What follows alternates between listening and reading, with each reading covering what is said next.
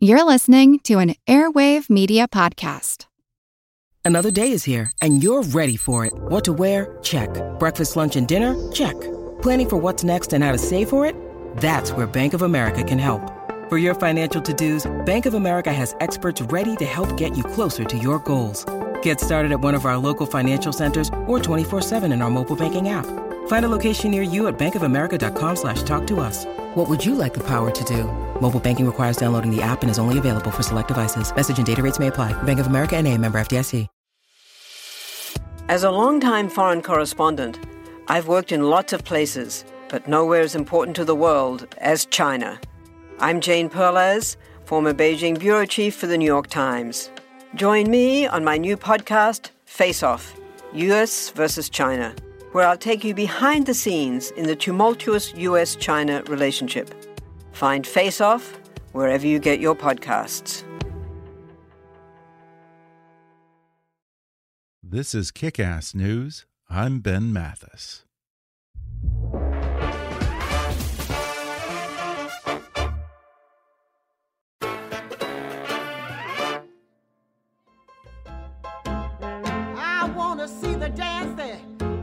Black bottom. I want to learn that dance. Want to see you do the dance you call your big black bottom. It puts you in a trance. Early one morning, about break of day. Grandpa told Grandma, I heard him say,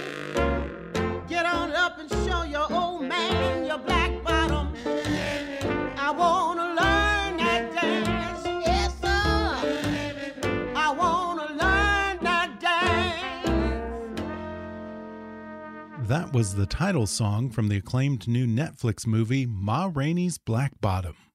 Adapted from two time Pulitzer Prize winner August Wilson's play and brilliantly directed by renowned stage and film director George C. Wolfe, Ma Rainey's Black Bottom celebrates the transformative power of the blues and stars Oscar winner Viola Davis as the woman forever known as the mother of the blues who refused to let society's prejudices dictate her own worth. Today, George C. Wolfe comes on the podcast to talk about the importance of the blues as a form of oral history for African Americans, the undeniable legacy of the original diva, Gertrude Ma Rainey, and what went into transforming Viola Davis into this music icon with only seven original photographs of Ma to go by. He discusses what the Chicago jazz scene meant to black musicians who migrated from the Jim Crow South in the 1920s, the creative ways he found to visually depict the foreignness of the urban North for those who made that journey, and why he chose to shoot the movie in August Wilson's hometown of Pittsburgh as a stand in for the Windy City. George opens up about the process of bringing August Wilson's play to the screen, why he always has an intense rehearsal period before he shoots a frame of film, how his own experience as an occasional actor informs his directing, and how he got the performance of a lifetime out of the late Chadwick Boseman. Plus, we talk about the white band leader who appropriated black music and then had the nerve to bill himself as the king of jazz, the relevance of Ma Rainey's story in the wake of last year's Black Lives Matter protests, and the swirl of Oscar buzz surrounding this five time Tony winning director and this monumental motion picture. Coming up with George C. Wolfe in just a moment.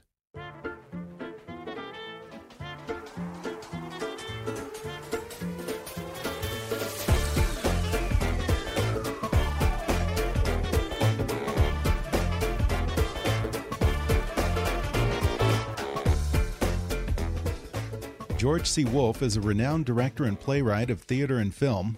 This five time Tony Award winner has firmly established himself as one of America's most important and influential cultural voices, with the ability to deftly command both the worlds of stage and film.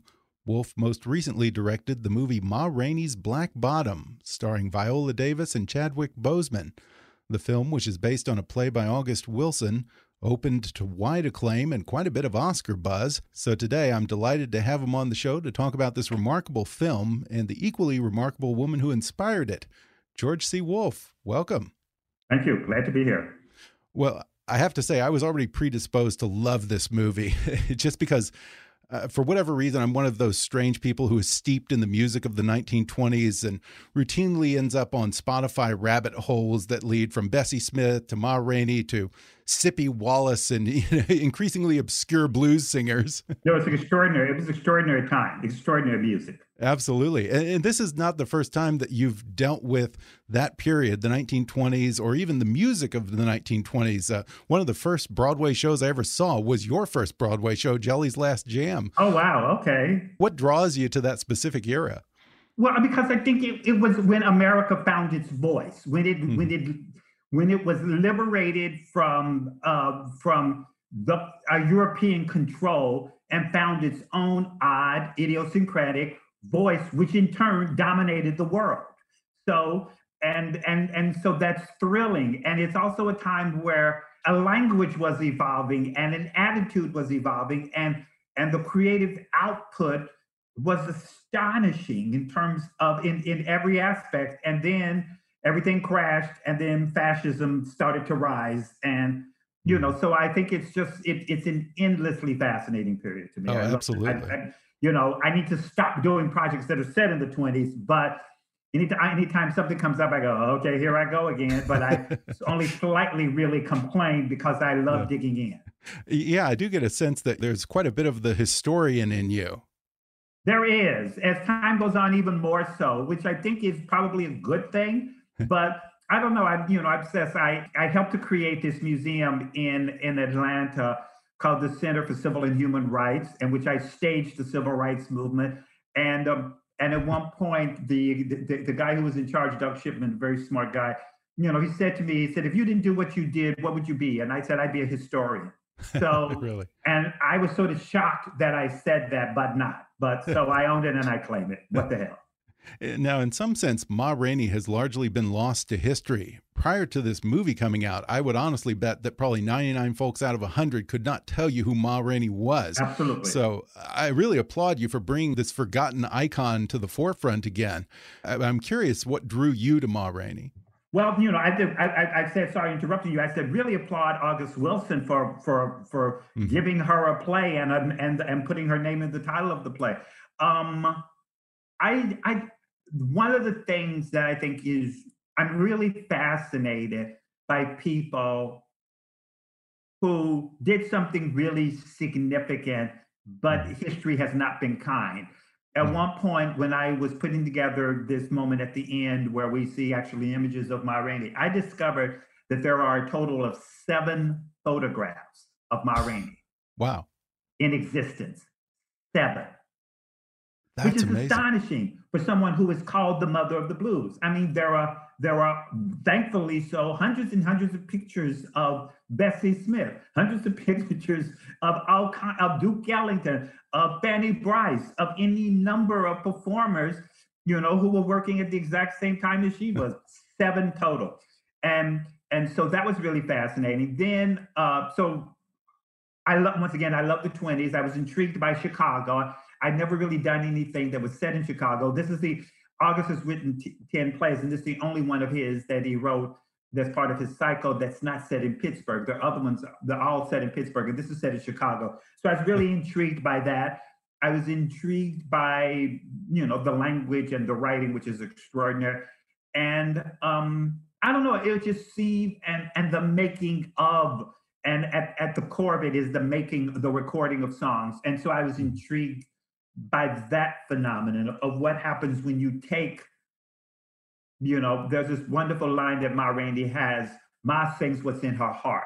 Ma, you know, and so you have a person who who is an artist and a gifted artist and a very shrewd business person, but like most artists, is is is is, is she's ruled by the the desire to tell stories or to communicate or connect with people. And you put somebody like that in a situation where it's about commerce.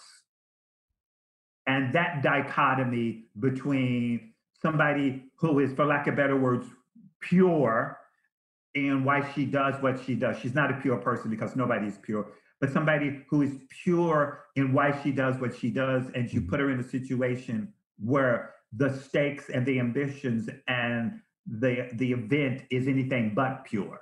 Yeah. And you know, so and that dichotomy I think is really, Yeah. really fascinating. Oh, absolutely. Yeah. When I listen to the music of Ma Rainey, whether it's in the film, which has an amazing score, by the way, or just the original recordings, the thing that strikes me is that she has absolutely lived every word of those songs. They are really a part of her. They are her story. And I can't Yes. imagine that it was very easy for her to give over those pieces of herself to the white record producers to be exploited for money. Was coming from the South to Chicago a little bit of a deal with the devil for musicians?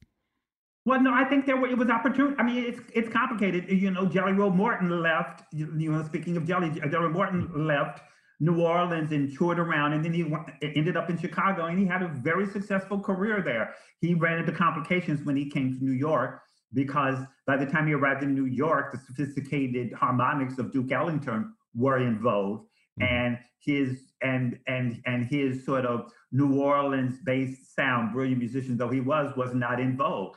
So so Chicago held a lot of promise for a lot of of musicians, particularly a lot of black musicians, and and with the closing of Storyville, the legal whorehouse area in New Orleans, which employed a lot of musicians, when they shut that down, you know, around the time of World War One, that's when a lot of the musicians traveled to Chicago to find employment. So I think for some, you know, it's it's it's always the case, which is for some, you know, one man's oasis is another man's hell, and and I think for Ma, who toured around, but in the South, she had her own entertainment, for lack of better words, empire, where she was in charge, she was the boss, she was in command.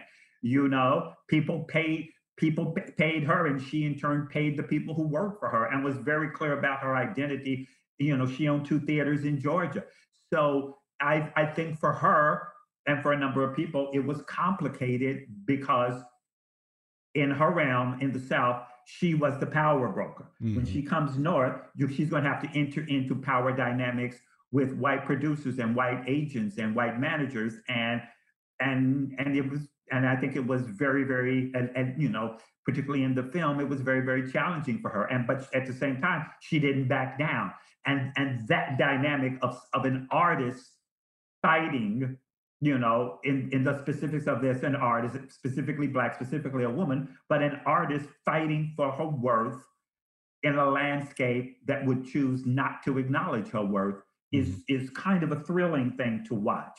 It's it's always thrilling when somebody stands up and says, "No, you will you don't get to treat me this way." Yeah. There's always there's something thrilling and heroic when you see that when that happens.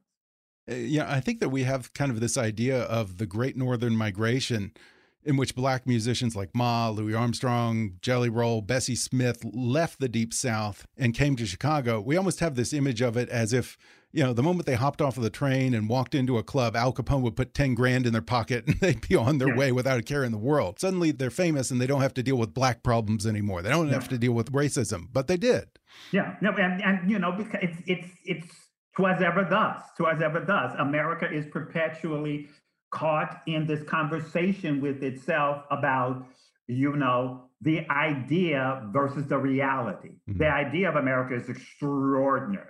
The idea of America is phenomenal, you know, and then there is the, the the reality of getting there and the journey of getting there and the consequences of people who find themselves on the outside of that idea. And and success and fame um, has can can create an illusion but it doesn't shadow the truth of what was going on and you know i mean you you know you have somebody like duke ellington who is an incredible artist a genius musician sophisticated arranger playing at the Cotton Club, which is intrinsically a, dy- a- a complicated dynamic because it's at the time it's right in the middle of Harlem. Uh, ironically enough, you know, you know, the mobsters took over a club from Jack Johnson, the fighter, and they established the Cotton Club there. And it's right in the middle of Harlem, and it's for white performers. It's for it's for white audience members and black performers Right. and black performers had to make a very specific entrance into the club and appear on stage, but with rare, rare, rare exceptions where they are ever allowed to sit there. So you have a person creating some of the most sophisticated harmonics and sounds of the moment in a situation where he is being celebrated that is intrinsically compromised. Mm-hmm. So it's and, and and and some of his early compositions, as I'm sure you know, know, were says written by Duke Ellington and Irving Mills, his manager. His manager didn't write those, but those are those are the deals that people had to make on the journey of hopefully mm-hmm. achieving some kind of career and artistic autonomy.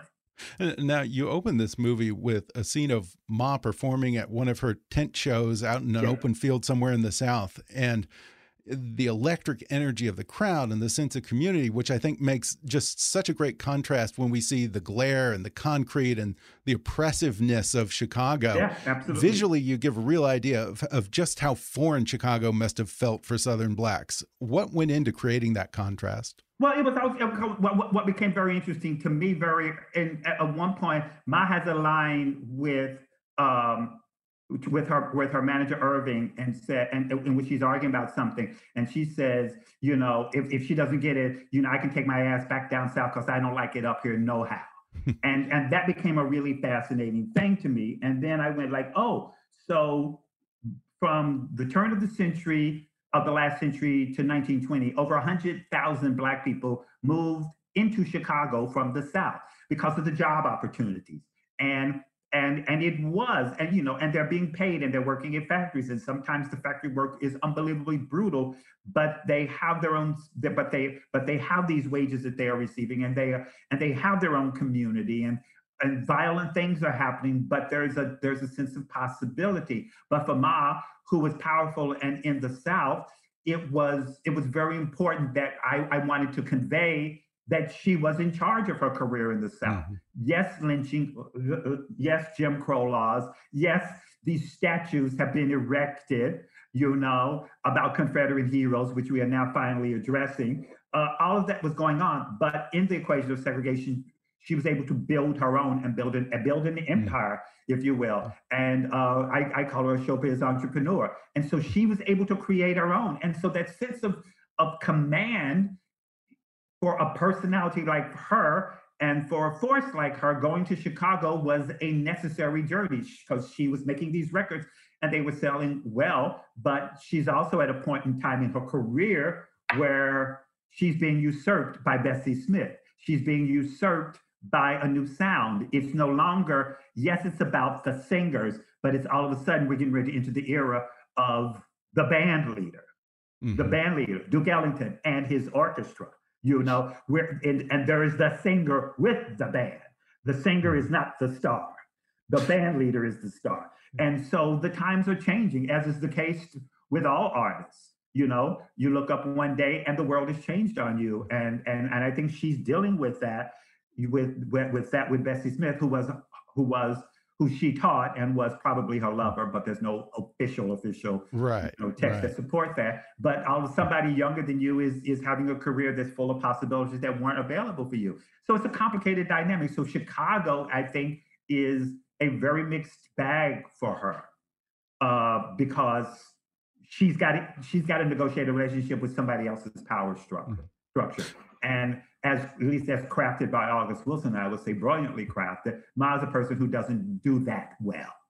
And by the way, I just have to tell you, uh, this is something that I don't think was in the original play. I think this is something that you added, which I love you for. Is you get a great dig in at Paul Whiteman, the fat white band leader who billed himself as the king of jazz, but he's really the king of cultural appropriation. Yes, absolutely. Or his con. My favorite is the concert that he had at Carnegie Hall, which which quote unquote made a lady out of jazz, as if jazz was asking to be made mm-hmm. a lady. Get the uh, yeah, yeah yeah. Paul Whiteman is a bit yeah. He's a complicated figure for me. Yeah, uh, but you know, speaking of making a lady out of jazz, it's all the funnier because in that scene you see him in this band full of straight laced white guys playing a song about a jelly roll, which yeah. was a colloquial term in early jazz for the vagina. Yeah, and you can tell they have no clue what they're actually singing about. Exactly. My jelly roll. Yes. No, exactly. No, I, I, you know, that was at one point that came to me very early on. I'd say we have to, hopefully by that point in the movie, you know, even though levee is in many respects a knucklehead, he's gifted and he's smart hmm and we've and and we've learned about his ambition and we've even more so learned about his pain so that therefore when that violation occurs hopefully we feel it. We Yeah. feel what's been taken from him Definitely, definitely. Now, you know, again, I keep getting down these weird rabbit holes that maybe only I appreciate, but this may very well be just me getting in the weeds. But I was wondering as I watched this, how much of Chadwick Boseman's character Levee was influenced or modeled on Louis Armstrong? Because I know Louis played with Ma, and some of the jazz riffs that he does in there very much resembled the opening of Ar- Armstrong's Hot Five and Hot Seven that's recording. interesting yeah no I, I i don't know i don't know i mean i you know armstrong you know, uh, Louis Armstrong came out on the other other. Uh, I came out. If this is a loaded statement, but I'll make it. Louis Louis and his music came out on the other side of the racism that he confronted. hmm His greatness, his greatness, you know, was so extraordinary that that lives on Mhm. and and the obstacles that he encountered and the brutality that he encountered is in the music but his career his career soared past it. Levee isn't so lucky but Mhm. I, I, it's a really interesting question. It's a really interesting question because uh Ma played with a lot of musicians who later had great careers but august chose to focus in on these guys who were as they say an accompaniment band. They they were designed to play exactly what she wanted them to play versus there's this interesting tension between Ma and Levee because he's so young and so reckless and she's very rigid in what she wants but also he's he's this blues jazz artist that's emerging and that is the shape of what's to come. Mhm. and she has no tolerance for that. You know it also doesn't help that he goes after her girlfriend. It's Right. never a good idea to try to sleep with your boss's lover. So that's a bad idea. Just all around We're going to take a quick break and then we'll return with more when we come back in just a moment.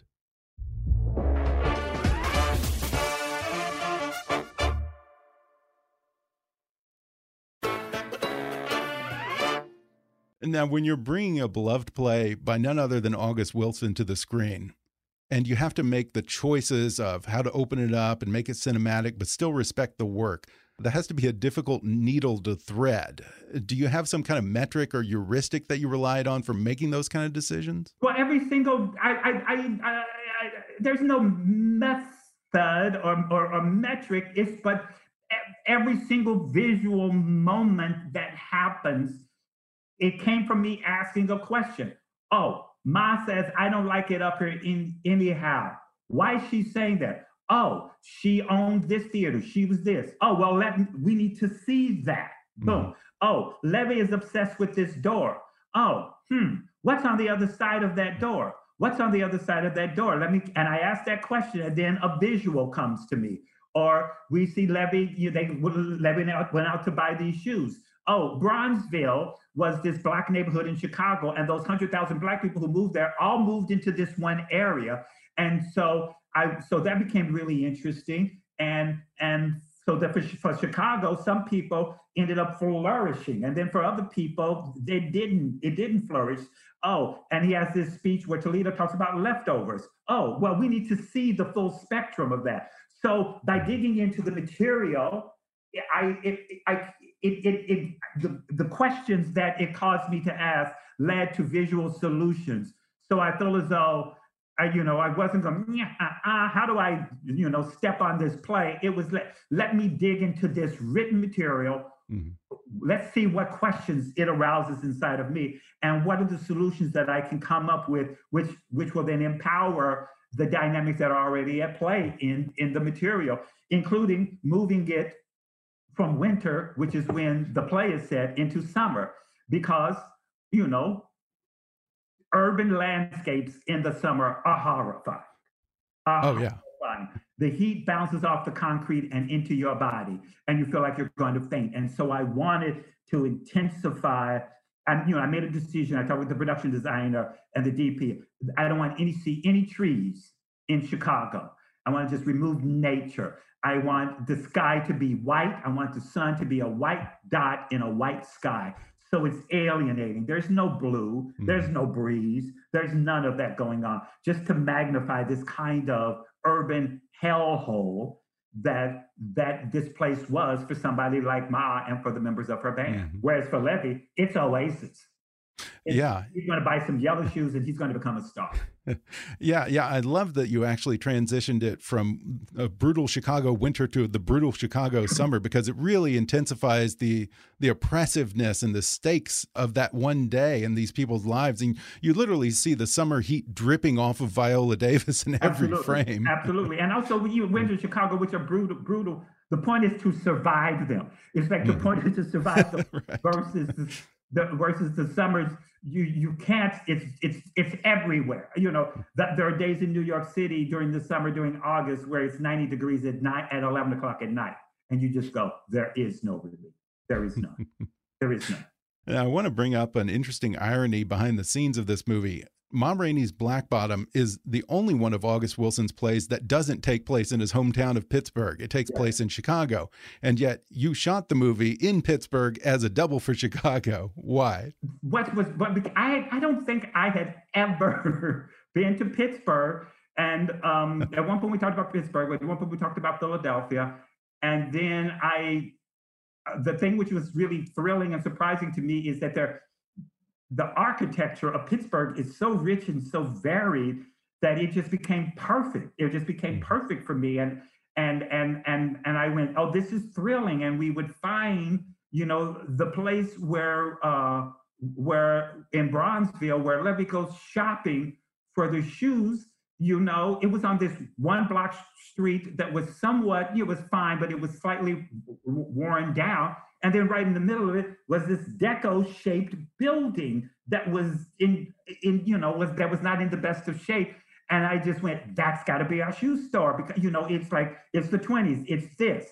And everywhere we looked, we I we just kept on finding these locations that were just that that evoked Chicago 1920s, and it was it hmm. be I I fell in love with it, and and and the people in that tent show are some of the best extras I've ever worked with in my entire life. When Viola came on stage, they screamed for her as Ma Rainey, like she was a, a goddess and a superstar, and they were phenomenal. So Pittsburgh ended up being very, very a very, very lucky and fortunate place for us to shoot.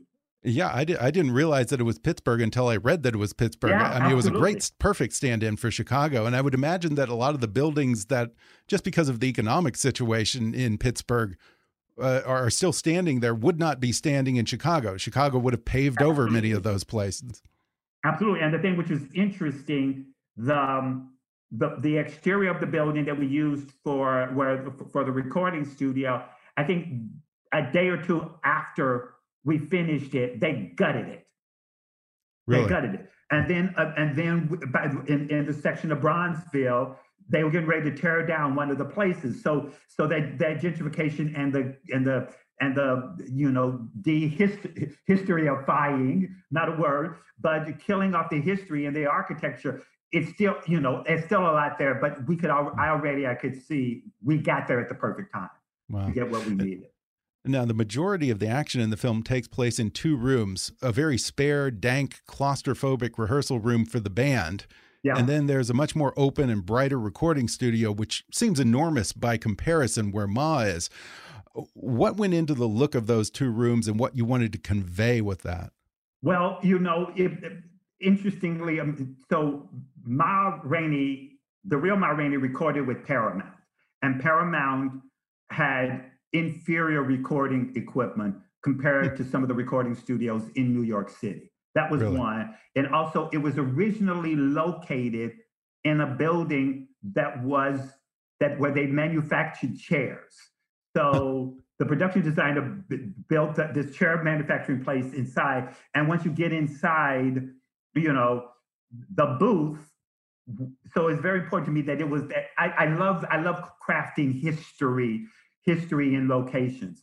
So the idea the booth where the recording equipment is is where the managers of the factory would be to observe the workers to make sure they were doing their job so that hierarchical equation was used to to uh, to mirror what's going on within the recording and the artist down below. And then in in in, in the band room, um, I wanted to create a sense, a, a subliminal sense of a boxing ring.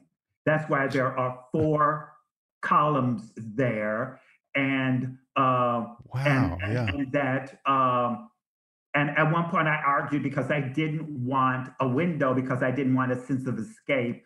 But then uh, Mark Ricker, the production designer, put it up so high. I said, okay, that'll work. And and and so and and then there was the door in and the door that in theory led to nowhere. And because I, wanted the language between the guys to be popping and flying all over the place, that they're throwing punches with the language, you know. So it's kind of a raging bull energy going on, but instead of punches, it's the language so that therefore anytime we see those four men in that room it's about a a, a, a conquering game who has the power who scored a punch who got wounded who's going to Mhm. give back who's going to attack and then just in, in a number of times just when it looks like things might start to get intense music ends up happening and it takes attention out of the room and this keeps on happening and it takes attention out of the room until at the end of the film when when Levee has lost all hope, you know, and they're packing up their instruments without that music, then the tension releases itself in something tragic and unfortunate. Uh, Yeah, and I'm interested in how you cast those four musicians in Ma's band. It's such an interesting and diverse collection of characters, and each of them sort of represent a different take on what it means to be a black man in America. Yeah. Tell me about that process. Well, you know, it was, you know, um, Chadwick. I, I, I, I think, you know, but, uh, uh, Denzel and I were worked very closely on the casting. right, the producer. You know, we, he and I both wanted Viola. She said no about five times before she finally said yes, uh, because she was. Sounds like she's got a little bit of Ma Rainey in her too. Uh, no, but she was no. She, actually, it was it was sort of the exact. I mean, she does, Yeah. but it was the exact opposite. She was Oh, going, really? "I'm not a singer. Get somebody else who's a singer." Oh. So I'm not right. I'm not right for the role. And then I then I just said, "Don't think about the singing. Just think about the role." And then she said yes. And then I brought up Chadwick, and then Denzel was excited by that. And then I directed Denzel in a production of Iceman Cometh on Broadway, and Michael Potts, who plays Slow Drag, was in it, and we both wanted him. And then uh, Glynn, I, you know, Glynn is an extraordinary actor. Glynn was the original Travis, the little boy in Raisin in the Sun on Broadway back in I 1955. that.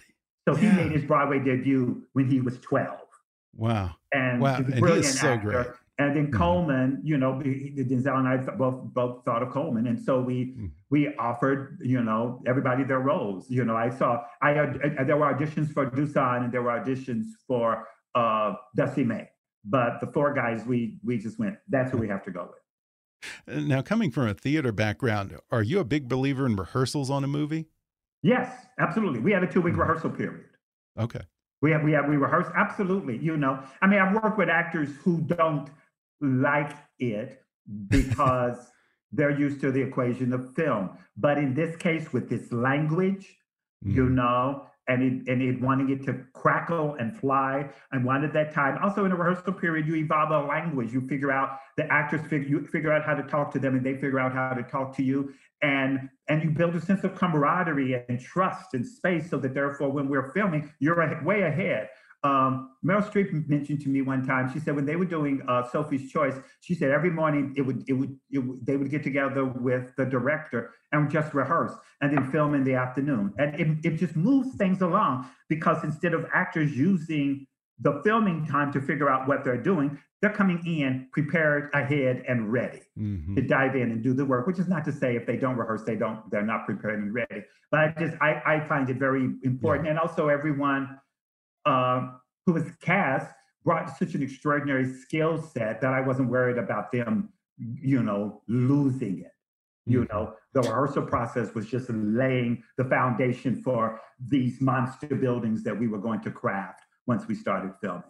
Yeah, I honestly don't understand why any film director would forego a rehearsal unless it was for budgetary constraints. But so many film directors do, and I honestly think that so much gets lost in that, in not having those actors play off of each other and have an yeah. idea of what the piece is about and all that. Absolutely, and you and it, it yeah. I think everybody ends up empowered, but you know, mm -hmm. I've worked with some brilliant film actors who just don't want to, yeah. who just don't want to. I, you know, they're saving it, and which I I understand, but you know, we'll see, we'll see, we'll see. But it was this this just affirmed how valuable and important and and informative and freeing, ultimately freeing a rehearsal process can be. Mm-hmm.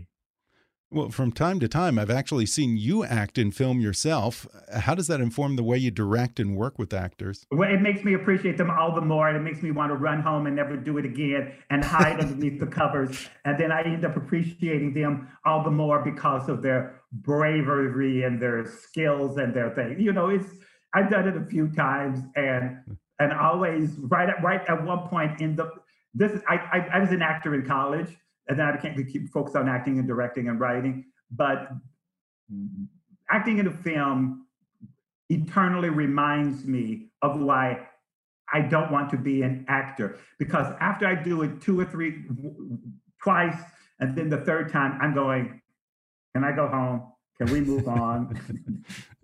Why are you doing that angle? People are going to see the bald spot in my head. Why I start acting? I step, I have this moment of ferocious commitment, and then I'm done. I want to go home. I'm done. Okay. Can you just shoot around me and just keep working with everybody else? That's when I went, George, no. You shouldn't do this. Yeah. Yeah. I, I don't it's think fun. people understand how vain directors can be in their own way. Oh, absolutely. How, how neurotic they are as well. yeah. yeah yeah. Now I have to say, when I first saw Viola Davis in this movie, I almost didn't recognize yeah. her. She she looks like a totally different person. The makeup almost reminds me of Bette Davis and whatever happened to Baby Jane. and the costumes, my God, what went into physically transforming Viola into Ma Rainey, especially when you only had seven photos to go on. Well, you, you really know, didn't I have mean, much of a reference. You know, everybody did as much research as they possibly could, hearing people talk about her and everything. That she had a gold a necklace with uh, of, of, with solid gold pieces around her neck, the gold teeth, you know, and that she was always sweating. They would frequently talk that she wasn't an attractive human being, and and all of this sort of stuff. And so, um, you know, and and and and Viola gained a certain amount of weight, but then Ann Roth crafted, you know, a bodysuit to help fill it out and expand on Ma's weight, and and then uh, and and Viola had you know said for her idea she wanted to be Aretha Franklin's size. That's what she wanted to walk around with, and and that was important to her. And then uh, she and then she you know we got the gold teeth, and then she was talking with Sergio. Uh, you know her her makeup person about you know about the look that she wanted and the sweat and and and and he told this story the other day. It's interestingly enough that when he was first putting on the makeup, Viola just said, "Go for it, go for it, go for it." And and he also told this other story. I, I worked with this uh, makeup person on on my first film, Lackawanna Blues, and she would talk about how the chorus girls at the Apollo Theater, because there was you know there were there was no makeup shade for for people of various varying color shades, that they huh. would take shoe polish mix it with water, and then smear it around their eyes to get this smoky eye look. And then wow. Sergio, who is from Spain, told this wonderful story about his grandmother and his aunts during the war would find crushed berries and other objects from around the house or, or, from around where they were living and use water to create the look. So mm. it hmm. was just so fascinating to me that you have this these women in Spain and these women in Harlem, doing in essence, making up for the lack of supplies. And so that sense of so that when he when, when he talked about doing the makeup Viola, he got rid of all the brushes and he did it by hand. So that you so that it had oh, did wow, not yeah. have an exaggeratedly refined look at all. Mm-hmm. And one of the things that I love, love about Viola is her her vanity she has no physical vanity. she, it's about surrendering to the material, surrendering the emotions, the visuals, whatever it takes to illuminate the character, to make the character real. And there's something incredibly brilliant and generous in that. And that's and that's and that's that's who she is an artist. She will surrender whatever she must in order to make the character live and mm-hmm. breathe. Well, George, if I have this right, I believe that you shot this film in summer 2019 and wrapped post sometime around June or July of this year, just as Black Lives Matter protests were yeah. sweeping the country. Was there a part of you that wanted to move up the release date and get it out there to be a part of the conversation? No, I, I, was, I was, I, you know, I was, I was screaming. I said, "Release it now! Release it now! release it now!" Yeah and and you know why can't we why can't we? And then you know smarter brains were going no we need to release it. When we're going to release it? I said but but but but for you know you know you know the that you know the conversations you know the conversations are, are ongoing. So it was mm-hmm. naive of me to think we got to get out there and join the conversation. Right the conversation right. is ongoing True, yeah, and it's strikingly relevant. I mean, you even, for Christ's sake, you even have a scene of Ma Rainey getting harassed by a white cop in Chicago. Yes, but she, she, she, and she doesn't back down. And right. there's this wonderful moment where where you see, the, you know, the cop going, "I'm confused. I don't, I don't understand. I have power. You have none. No, she doesn't right. have power. You know, and it's just right. very interesting to me because, um, because in that moment it's like when people, when society tells you you have no power, you either retreat into a corner or you claim every single ounce of power that you have and mm-hmm. go forth into the world. And yeah. that's what Ma Rainey did. And and that's what and it's and it's thrilling to watch. It's thrilling that she brings a recording session to a halt until she gets her Coca-Cola. right. and it's not it's not about the coke. Yeah. It's just about mm-hmm. just to let you know I do have the power that I have. Well, real quickly, what's up next for George C. Wolfe? Do you think we might even see you directing a full blown musical for film sometime soon? I would love that. I would love that more than anything. Um, but I don't think it's going to be the next thing. But okay. uh, but I can't talk about the next thing okay. um, yet. So I don't know. I, I, it's, it's, going to be a film. It, I, the next thing is going to be a film. You know, knock on wood and all that sort of stuff. Um, and you know, I, you know during the during the shutdown, while I was finishing up the film, I was also did some writing. So I've been writing. You know, I'm working on a play, working on a screenplay. So you know, just you know, trying to um, hmm. keep telling stories and hopefully tell stories that are startling and empowering. Mm-hmm. Well, we'll stay tuned for that. In the meantime, once again, Ma Rainey's Black Bottom, which is just fantastic, is now playing in theaters and on Netflix, folks. You've got to see it. George C. Wolfe, thanks so much. This was great. Well, thank you so much as well. Thank you. This was absolutely a lot of fun. Thanks again to George C. Wolfe for coming on the show. Ma Rainey's Black Bottom is now showing in theaters and streaming on Netflix. And now I'll take you out with this original recording of Ma Rainey singing the Chain Gang Blues.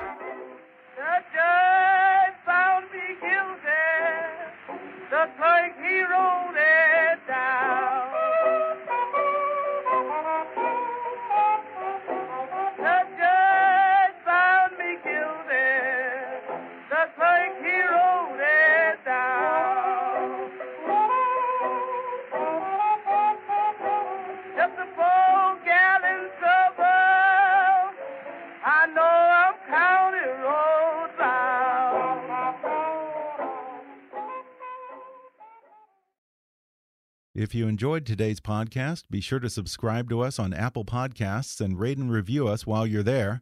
Five star ratings and detailed reviews are one of the best ways for new listeners to discover the show. You can also follow us on Facebook or on Twitter at, at KickassNewsPod and recommend us to your friends on your social media. For more fun stuff, visit kickassnews.com, and I welcome your comments, questions, and suggestions at comments at kickassnews.com. For now, I'm Ben Mathis, and thanks for listening to Kickass News.